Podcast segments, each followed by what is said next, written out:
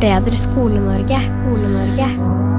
Velkommen til Et bedre Skole-Norge. I dag har vi med Elisabeth Mathisen, og hun jobber på Medisinernes seksualopplysning, MSO, som er en ideell organisasjon som driver på med seksual- og samlivsundervisning, og ble grunnlagt i 1974. Det er sånn at det er mange ulike aktører som hjelper lærere med seksualundervisning, og MSO slik jeg har skjønt det, er kanskje en av de som har litt eh, cred i forhold til hva forskning sier osv. Så, videre. så vi skal dypdykke litt og se hva lærere kan hjelpe barn og unge med. Særlig i forhold til grensesetting, for det er faktisk et økende problem i samfunnet nå at eh, ungdommer rett og slett gjør overgrep mot jevnaldrende. Så vi skal eh, dypdykke litt i hvordan du som lærer, kanskje uke seks er rett rundt hjørnet, og kanskje du da skal prøve å bidra litt på en positiv måte. Så vi skal prøve å gi deg noen verktøy til det. Velkommen hit da, Elisabeth eh, Mathisen. Tusen takk. Et bedre Skole-Norge. Skole-Norge. Jeg har jo holdt meg litt à jour på ulike undersøkelser, og jeg så annet at eh, en undersøkelse som heter Ung vold-studien, sier at det er økning i seksuell vold, rett og slett, da, og at det er flere jenter som, som opplever krenkelser. Det er jo ikke bra i det hele tatt. Og hvor mye skal inn i skolen, vil jo mange lærere naturligvis si, men dere, dere har litt sånn proffe opplegg om ulike emner innafor eh, seksualundervisning, dere på MSO, stemmer ikke det? Jo da, det stemmer. Eh, og særlig med grensesetting og overgrep er jo eh, noe vi eh, har en del om. Vil du si noe om altså Dere er ikke ment som reklame, men jeg, jeg bare kom over dere. Jeg hadde ikke hørt om dere før. Og sånn at uh, Uke seks, de aktørene jeg har hørt mest om der, er uh, sex og politikk og sex og samfunn. Mitt inntrykk er vel at uh, dere er, er, Dere er jo legestudenter og tilknyttet Universitetet mm. i Oslo. Stemmer. Og sex og politikk og sex og samfunn er jo våre største samarbeidspartnere. Mm. Vi jobber jo tett med de. Mm. Og vi er jo medisinstudenter eller legestudenter, og vi holder egentlig til i alle byene hvor du har medisinstudie, så vi er både i Oslo, Bergen, Tromsø og Trondheim. Så vi dekker jo egentlig ganske stor, stort område av Norge.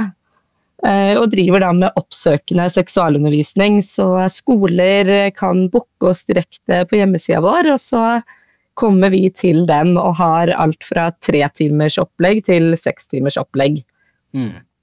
Åssen pleier det å være da? Pleier det å være per klasse, eller pleier det å være hele skolen, eller åssen pleier det å gjøre det da? Det pleier å være ofte per trinn, eh, mm. så vi tar gjerne niende eller tiende trinn. Men vi underviser også en del andre grupper, bl.a. voksenopplæring, minoritetsgrupper, personer som selger sex, eh, personer med personlig utviklingshemning og en del andre klasser hvor det kan være utfordrende å ha seksualundervisning. Da. Og da er det gjerne klassespesifikk booking. Det er jo litt sånn ofte i et klasserom nå, så kan man jo kanskje ha noen Nå håper jeg bruker riktig begrep, men kanskje man har noen fra typ Midtøsten som er muslimer, og så har man kanskje noen som mm. er eh, som sliter med kjønnsdysfori eller opplever eh, litt sånn usikkerhet knytta til, til, det her, da. Jeg tror for mange lærere så vil de kanskje oppleve at det her er et vanskelig tema å ta tak i, da. Ja, og det er det jo. Og eh, vi har jo en del erfaring med det og hvordan å snakke om disse temaene på tvers av kulturer og religioner og alle som sitter med hvert sitt problem, da, kan man si, altså hver enkelt ungdom. Men vår erfaring er gjerne at det beste er åpenhet. Og det å bare snakke om det uten å gjøre det kleint, uten å være sånn nå skal vi snakke om noe veldig vanskelig og skummelt, på en måte, så ser ungdommene at å ja, men det er ikke så ille å snakke om selv om vi ikke er vant til å snakke om det fra før. Før så har jeg inntrykk at, uh, at, det var uh, mer normer som styrte uh, mye av seksualundervisninga. Sånn at det var sånn, for å si det veldig forenkla, så var det sånn Vent til ekteskapet, fordi da det sier tradisjonen vår, mens nå så er det mer sånn Mitt inntrykk da er at alt er greit så lenge du samtykker selv. Er det, er det riktig? Ja, på en måte er jo det riktig. Litt satt på spissen, som du sier. Og vi er jo ikke sånn at vi går rundt og oppfordrer ungdom til å ha sex eh, og kjøre på når de er 16 år. Eh, men vi syns at det er viktig med informasjon tidlig, sånn at de på en måte kan få informasjonen før de kommer i den situasjonen hvor de må ta slike valg, da, at de da kan ta et informert valg. Um, for det er jo gjerne en misoppfatning mange steder at hvis du gir dem informasjon om alt det her, så begynner de å ha sex. Men all forskning viser jo egentlig at jo mer undervisning du har i seksualatferd og grensesetting, jo senere debuterer man. Oh, ja. eh, og jo tryggere er man på en måte når man debuterer. Mm. Og da minsker man så sjansen for overgrep og krenkelser av eh, grenser, da.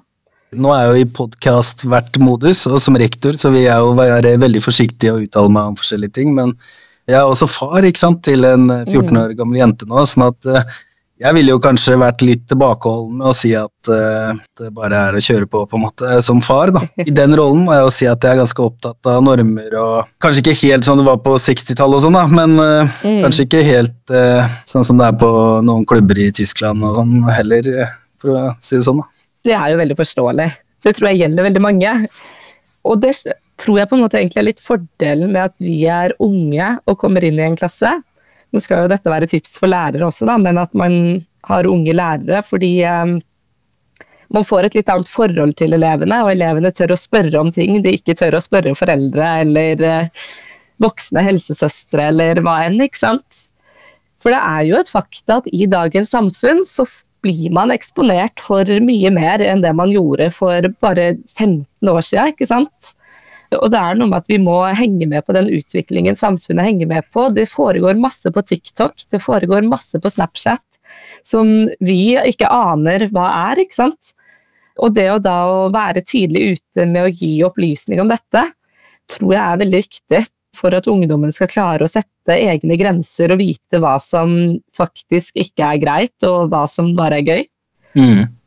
Det tror jeg òg, men jeg mener jeg har hørt det Er det ikke sånn at folk har mindre sex nå, men at de er mer på sånne digitale ting? Altså at de ja, Gutter kanskje ser mer på porno enn tidligere, og sånn, men at tidligere så hadde folk rett og slett mer fysisk sex, da. Vet du noe om det? Jeg har også hørt det utsagnet. Eh. Jeg tør ikke å si om det er eh, skilleriktig eller en, en riktig som går, men jeg har også hørt det, og jeg tror nok det bunner i det at det er veldig mye som foregår digitalt. Mm. Og jeg skal ikke se bort ifra at det er helt sant at folk generelt har mindre sex, men det foregår mye mer sexting og flørting, og det foregår sending av nakenbilder, og det foregår på en måte at man tar kontakt med folk man ikke kjenner eh, på TikTok og Instagram og alt mulig. Mm. Så det er jo en helt annen måte å samhandle på da, enn det var. Det som jeg er opptatt av å prøve å formidle, er jo at, eh, at eh, vi må jo prøve å hjelpe disse ungdommene med å sette riktige grenser og ha gode verktøy for å sette grenser og sånn, men eh, kan du si litt om hva dere lærer bort til lærere, da? Når dere holder kurs om, om det med grensesetting?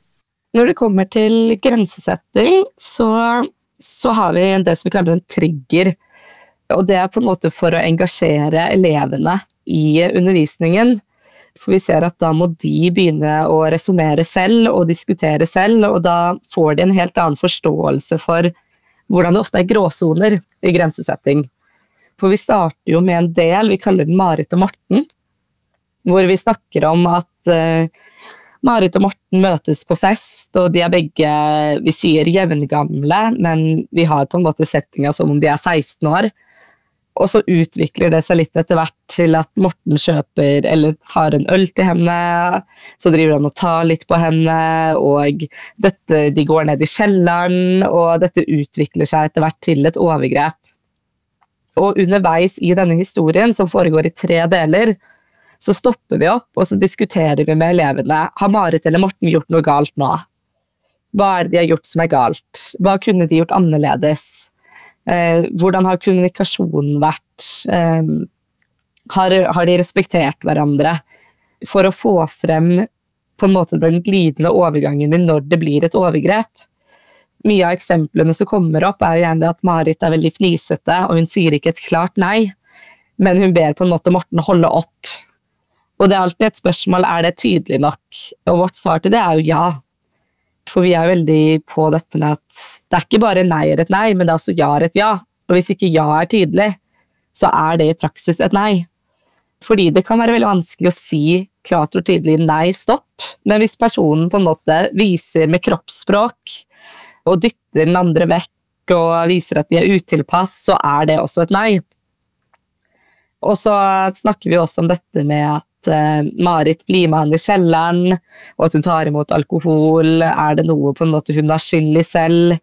Gir hun ikke han hint ved å bli med og kysse han hvis hun ikke vil ligge med han? Og her poengterer vi gjerne det at uh, det er ikke den som blir overgrepet sin feil, uansett hva vedkommende gjør. Uansett hva de har på seg, eller om de tar imot en øl, eller om de flørter fra før. Fordi du har alltid rett til å si nei underveis. For det er alltid lov å ombestemme seg. Og at selv om du på en måte har begynt å bli med på det, så kan man si nei, men jeg har bare lyst til å være med på dette, men ikke gå videre til dette. Og det tror jeg er et vanlig problem da, blant mange elever, at de begynner å kanskje flørte litt og snakke litt på Snapchat eller på fest fordi de syns det er gøy, og så sliter de på en måte med å tørre å si nei når det utvikler seg videre. Eller at de føler at de ikke får sagt nei ordentlig, eller at de ikke blir hørt eller respektert hvis de sier nei. Fordi da får de på en måte slengt tilbake ja, men du var jo med på dette og dette. Det er jo din egen feil. Ehm, så vi bruker da, vi har en monolog etterpå hvor vi snakker om dette med seksuell rettighet og seksuell plikt. Og at den seksuelle rettigheten din er at du alltid har lov til å si nei. Uavhengig av når i forløpet det er, uavhengig av hvor langt man har kommet eller hva man har gjort før. Og at den seksuelle plikten er eh, at man alltid plikter å høre på et nei, og respektere det nei-et. Og hvis man ikke gjør det, så er man i praksis eh, gjennomført et overgrep. Og at det finnes mange variasjoner av det, fordi folk har ulike grenser og ulike um, intimsoner, ulike ting som er riktig for dem. da. Og at man må ta hensyn til at selv om man kanskje gjør noe man selv tenker er helt greit, så betyr ikke det at den andre personen gjør det. Så det er på en måte det vi ser i undervisningen, er gjerne det at å samtale med elevene, og ikke bare stå og fortelle dem overgrep er galt. For det vet vi jo vi er jo ikke dumme folk. De, de, aller fleste vet jo at det å overskride noen andres grenser ikke er greit. Men de aller fleste overgrep skjer ofte i gråsituasjoner. Hvor du på en måte kanskje har begynt, og så vet du ikke hvordan du skal stoppe det, eller den andre skjønner ikke at den ene parten egentlig ikke vil være med eller ikke. Så det å på en måte få de til å reflektere rundt dette, da, og nøyaktig hvor en gråsone går fra å være ok til ikke ok, og eh, at de skjønner at den er veldig varierende fra person til person. Eh, det er jo ikke sånn at vi sitter med noe fasit og sier nei, men når de gjorde dette, så ble det overgrep. For noen kan jo det ha skjedd mye, mye tidligere, og for andre kan det ha skjedd senere. Så det tror vi er veldig viktig, da, å få de til å være engasjert i samtalen. Så bra. Så dere gjør det på enten tre timer eller på seks timer, og så tar dere da hele trinnet, og så kjører en sånn historie, og dere holder jo også til i de største byene, Oslo, Bergen, Trondheim og Tromsø. Og um, hvilke tilbakemeldinger får dere på en måte fra lærere og elever og sånn da? Vi får eh, veldig gode tilbakemeldinger. Eh, vi går gjennom veldig mye. Grensesetting er jo bare én bit av det vi gjør. Men vi tar jo alt ifra anatomi til eh, soy, til prevensjon, til sex for første gang, til kjønns, kjønn og forelskelse og alt mulig. Og elevene syns jo ofte at det er veldig eh, forfriskende måte å undervise på, da. Litt mm. vekk fra den eh, standard bare 'dette er et kondom'. Men de får jo muligheten til å stille spørsmål. Vi har anonyme lapper, vi har eh, leker underveis og triggere som de kan bruke, og de er veldig aktive i selve undervisningen vår. Og lærerne òg virker å være veldig fornøyde. Vi blir jo booket av de samme klassene og skolene hvert år igjen, på en måte, fordi de ønsker å ha oss tilbake. Mm. Og jeg tror nok det er mange lærere som også syns det er behagelig å slippe å ha den delen av undervisningen selv. Mm. Det husker jeg jo fra jeg var elev selv, at jeg tror ikke det var liksom favorittema eh, å undervise alltid. Altså, jeg husker en uh, naturfagslærer alltid ble sjuk rundt den tida. Ja, ikke sant? Liksom. Så da var det jo sånn banan og en kondom, og så sånn funker det her, liksom. Og det ja. syns jo alle var veldig kleint. Men åssen uh, uh, koster det penger? Jeg vet virkelig ikke, så jeg prøver ikke å gjøre noe reklame ja. eller noe her. Eh, det, koster, det, koster, litt penger, men ikke så veldig mye, for vi er støttet av Helsedirektoratet. Mm. Så skolene betaler en liten egenandel Og den er veldig forskjellig fra hvilke by du booker. For det avhenger også litt av eh, hvor langt opplegget er. I Trondheim for eksempel, så har de mye kortere dager enn det vi har i Oslo. Vi pleier å ha en heldagsopplegg, eh, så da blir jo prisen litt forskjellig derfra. Mm. Men i Oslo så koster det per dags dato 2500 kroner. Mm. Og det går jo til å være med å dekke lønn av undervisere, transport, eh, litt diverse. Og så tar jo Helsedirektoratet og dekker resten, som det ikke Mm. dekker. Ja, ja. Det høres jo ikke gærent ut det, for eh, altså, vikarbudsjettet rundt omkring er eh, Ja. ganske høye, så ja. Men det som jeg er litt opptatt av, er jo det her med grensesetting. Altså, tror du, hva tror du skolen kan gjøre for For det er jo en uheldig utvikling, og hvis jeg Mm. bare skal spekulere, så vil jeg jo tenke at siden det er så mye telefoner og digitale greier rundt, så er det jo veldig mange som ser på porno, tror jeg, og der er det jo veldig mye som ikke er bra, for, eh, tror jeg, da, for å Ja. være litt eh, sånn eh, hva heter det, litt moralsk her, så jeg tror jo at det rett og slett kan være litt skadelig. Altså, jeg hørte en eller annen overlege eller et eller annet fra Drammen, jeg tror det var i sykepleien.no eller et eller annet sånt, som sa at en ung gutt hadde debutert seksuelt, og da prøvde han liksom å ta en jente i rumpa og alt mulig. Det, er, det var liksom debuten, da, så det sier jo noe Mm. at han har vært eksponert for litt av hvert i forkant.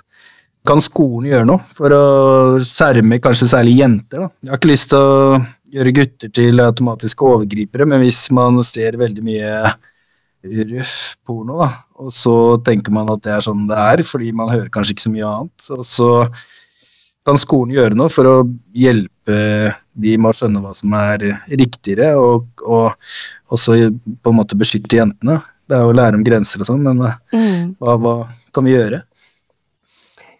Jeg tror jo at eh, det viktigste skolen kan gjøre, er jo eh, informasjon. Mm.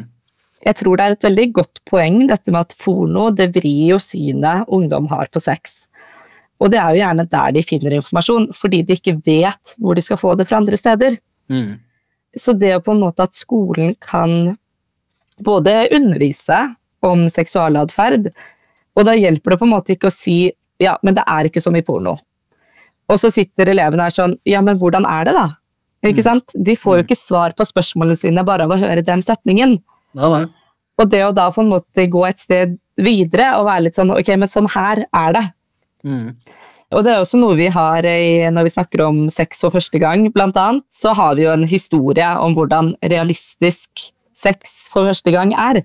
Mm. Og det handler jo ikke da om liksom detaljene om det her er sånn det foregår og bla, bla, bla, men på en måte tankene til de eh, unge voksne eller ungdommene som da har, har sex for første gang. Men det skolen gjerne kan gjøre, er jo å gi dem verktøyene til å finne informasjon. Gi dem nettsider hvor de kan finne god faglig informasjon, som Sex og Samfunn sin nettside. ikke sant? Der får du spørsmål på masse. Du har chat-funksjoner. MSO har jo Instagrammer hvor man kan få faglig svar. Ehm, Det fins masse, masse nettsider der ute, uten at jeg husker alle on the top of my head. på en måte. Når det kommer til liksom det å beskytte jenter, så tror jeg det handler også mye om å la de få være åpne om det som skjer på Snapchat. Eh, Jeg har gjerne erfart det i undervisningssammenheng, at hvis du på en måte spør om noen har blitt eh, overgrepet, det er jo ikke sånn at vi spør om det, da, men spør du på en måte i den retningen, så får du nei. Men begynner du å spørre bare sånn Ja, men har du opplevd noe ubehagelig på Snapchat? Og så plutselig rekker liksom to tredjedeler av jentene opp handa. Og så begynner de å fortelle historier om tilfeldige folk som legger dem til og sender dem dickpics uten at de vil ha det, og så er jeg der sånn Men dette er jo i praksis et overgrep. Og det å la de ha et trygg punkt å snakke om dette om, uten at de får moralpreken om ja, men du må ikke gjøre det, og du må ikke gjøre det, og du må jo ikke svare dem, og du må ikke gjøre dette og dette og dette. For de vet jo at de ikke skal svare fremmede, men kanskje de syns det er litt spennende, og at de må få lov til å kunne dele om dette uten å på en måte bli kjeftet ned, men heller da bli hørt, tror jeg kan være veldig viktig. Eh, For da tror jeg man kan få ja, da får man mye mer informasjon, da, fordi man får eh, på en måte tilliten deres til at her er det greit å dele, og da kan man spørre om hjelp. Mm. Det er jo masse overgrep også som foregår via nettet, på en måte, at folk eh, kanskje tar en video og deler den videre, og så det er liksom ikke Det er ikke bare sånn tradisjonelle overgrep som skjer på fester og sånn, men det er mye som foregår digitalt òg, er det ikke det? Jo da, det er jo et økende problem vi har hatt ettersom vi fikk mer tilgang på det. Og det er jo noe også som de har, eh, har i undervisningen vår eh, hvis vi har et lengre oppdrag. Det er dette med at hvis du sender et nakenbilde, så er det egentlig ulovlig. Mm. Og at på en måte det er ikke ulovlig å motta et nakenbilde. Sånn at de som kanskje sitter og får et nakenbilde av noen andre uten at de vil det, det er jo ikke de som har gjort noe ulovlig. De har jo på en måte fått det tilsendt. Og at det på en måte heller ikke er greit å vise de til andre. Og så snakker jo vi også litt om det at vi vet jo at det er vanlig for f.eks. kjærestepar å sende nakenbilder til hverandre, og at vi da snakker om at vi vet jo at dette skjer, så vi kan ikke bare liksom, skyve det vekk og si at nei, det gjør, snakker vi ikke om. Men da snakker vi heller litt om at hvordan kan du gjøre det på en trygg måte? Mm. Ikke ha med på en måte noe som er gjenkjennbart i bildet. Selv om det er til noen du stoler på, Mm. så vet du ikke om noen andre kan ta telefonen eh, til vedkommende og gjøre noe. Mm. Og alltid ha disse forhåndsreglene selv om du sender det til noen du er trygg på ikke skal sende det videre. Mm. Men ja, det er et veldig vanskelig eh, område, og det jeg tror det er veldig vanskelig å ta tak i, fordi det er så mye som skjer uten at vi får det med oss, vi voksne, på en måte. Mm. Det er viktig å snakke om det, da, fordi det er jo Mm.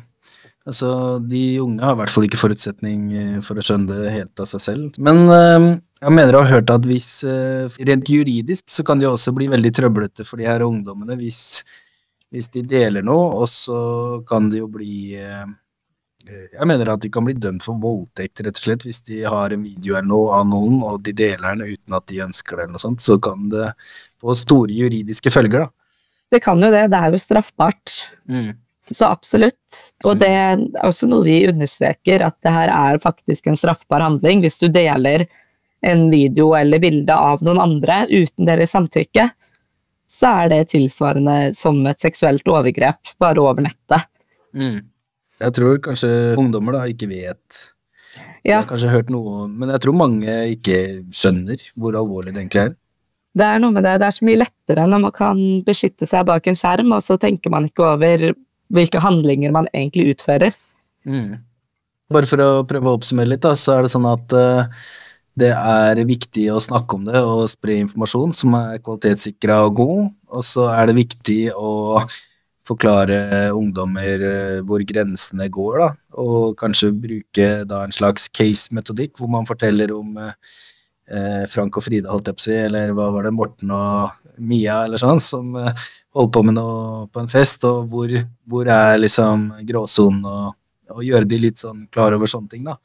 Eh, Mm. og så er det sånn at dere holder kurs for en symbolsk sum rundt omkring i de største byene, i hvert fall.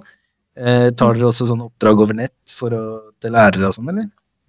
Eh, vi tar ikke oppdrag over nett, men vi reiser ganske langt. Ok, dere gjør det. Ja da, de er flyttbare, så vi Mm. har oppdrag hvor vi da kan overnatte og sånt der ute, hvis det er behov for det.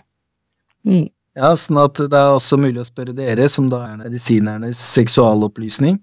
Og så virker det jo som at seksualundervisninga har gått Før så måtte man jo ha seksualundervisning for at folk ikke skulle bli uønska gravid hele tida, men det virker det som de fleste har fått med seg nå.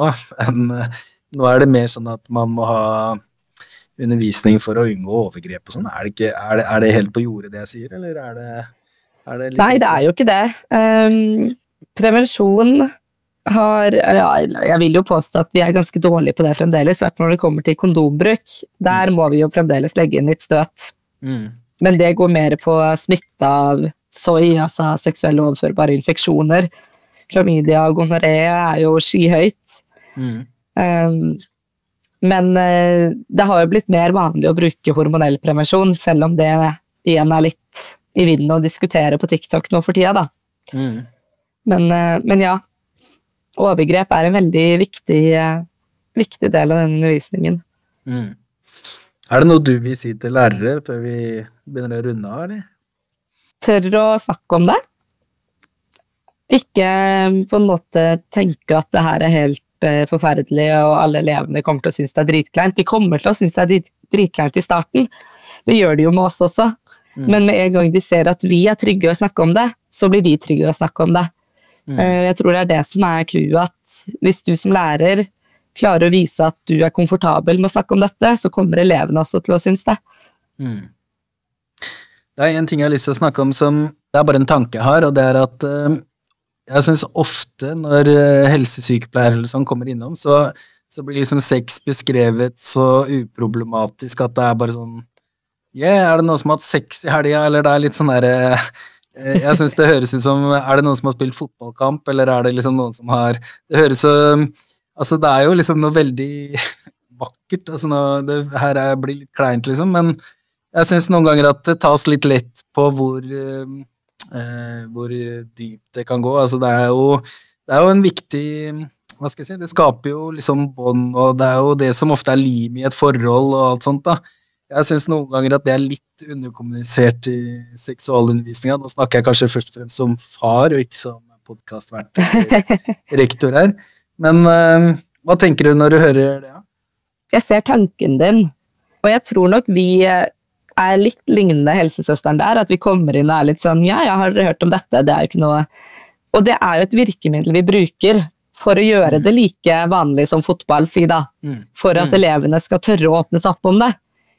For hvis vi kommer og starter med å si at ok, men dette her er veldig spesielt, og det er veldig unikt, så, så blir elevene litt sånn oi altså sånn det er noe med å senke skuldrene med en gang man kommer inn, mm. og så bygge det opp igjen.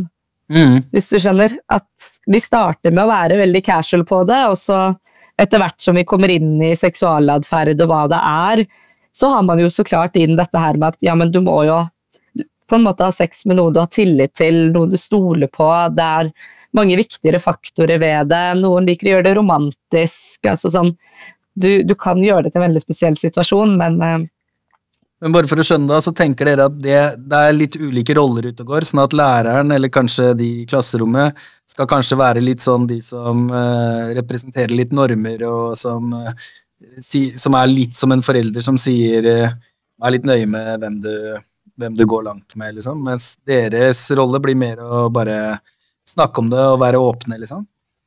Jeg tenker egentlig ikke. Jeg tenker man kan være begge deler.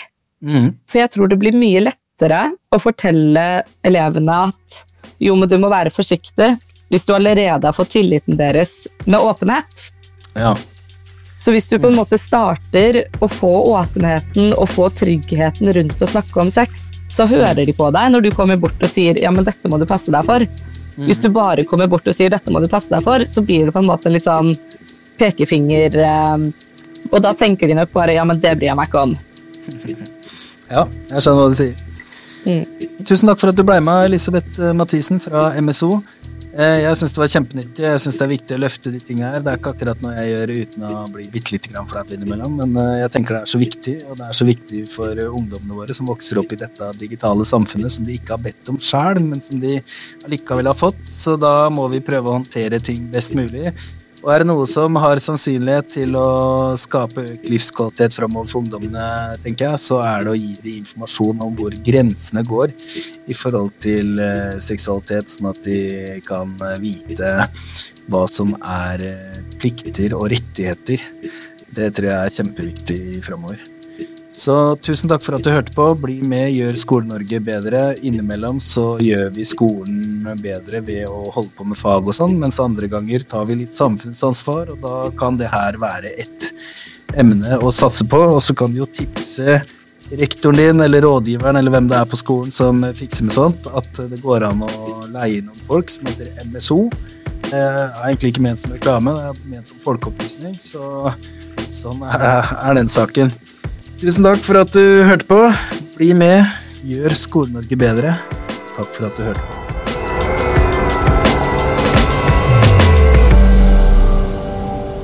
Et bedre Skole-Norge. Skole-Norge.